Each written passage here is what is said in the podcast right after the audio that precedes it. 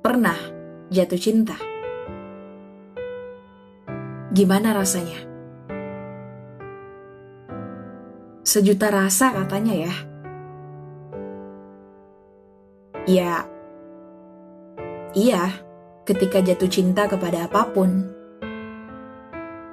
Jatuh cinta kepada seseorang, jatuh cinta kepada pekerjaan, kegemaran, atau yang lainnya. Tentu, ketika kita jatuh cinta, tak ada yang kita harapkan kecuali balasan yang membahagiakan, bukan?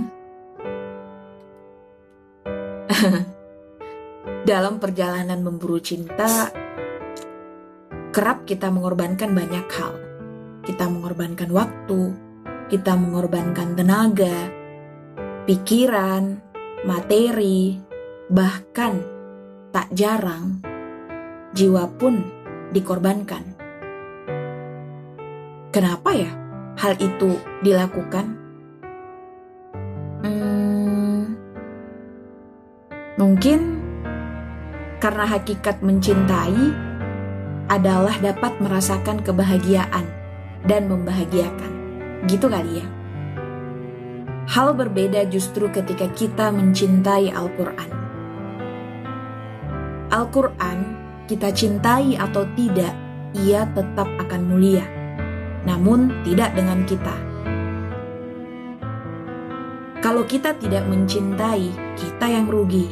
Sebab, kalau kita tidak mencintai Al-Quran, di belahan bumi mana pun banyak yang mencintai Al-Quran.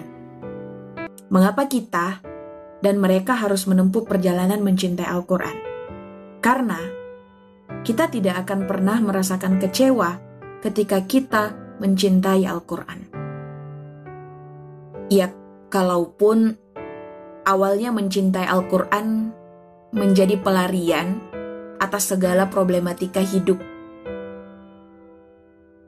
Tapi lambat laun, mencintai Al-Quran adalah perjalanan yang paling menyenangkan. Perjalanan mencintai Al-Quran tidak dituntut hingga miliaran rupiah. Al-Quran hanya meminta kita mengorbankan dengan waktu. Pengorbanan yang paling sederhana sebenarnya. Misal, untuk bisa bersama Al-Quran, membacanya hingga satu juz, ia hanya butuh waktu sekitar kurang lebih satu jam. Tentu itu sungguh sangat sedikit sekali. Dibandingkan 24 jam yang Allah karuniakan waktunya kepada kita.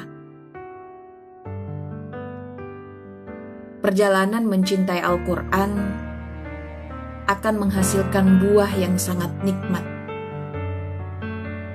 Di dunia merasakan ketenangan, kemudahan solusi atas masalah-masalah, dan di akhirat, kelak Al-Quran yang kita cintai akan menjadi penerang dan syafaat. Masya Allah. Diriwayatkan dari Abu Hurairah radhiyallahu anha bahwa Rasulullah Shallallahu alaihi wasallam bersabda, Siapa yang mendengar satu ayat daripada kitab Allah, dituliskan baginya satu kebaikan yang berlipat ganda. Siapa yang membacanya, baginya cahaya di hari kiamat. Merujuk hadis itu, maka tidak ada alasan bagi kita untuk tidak menempuh perjalanan mencintai Al-Quran.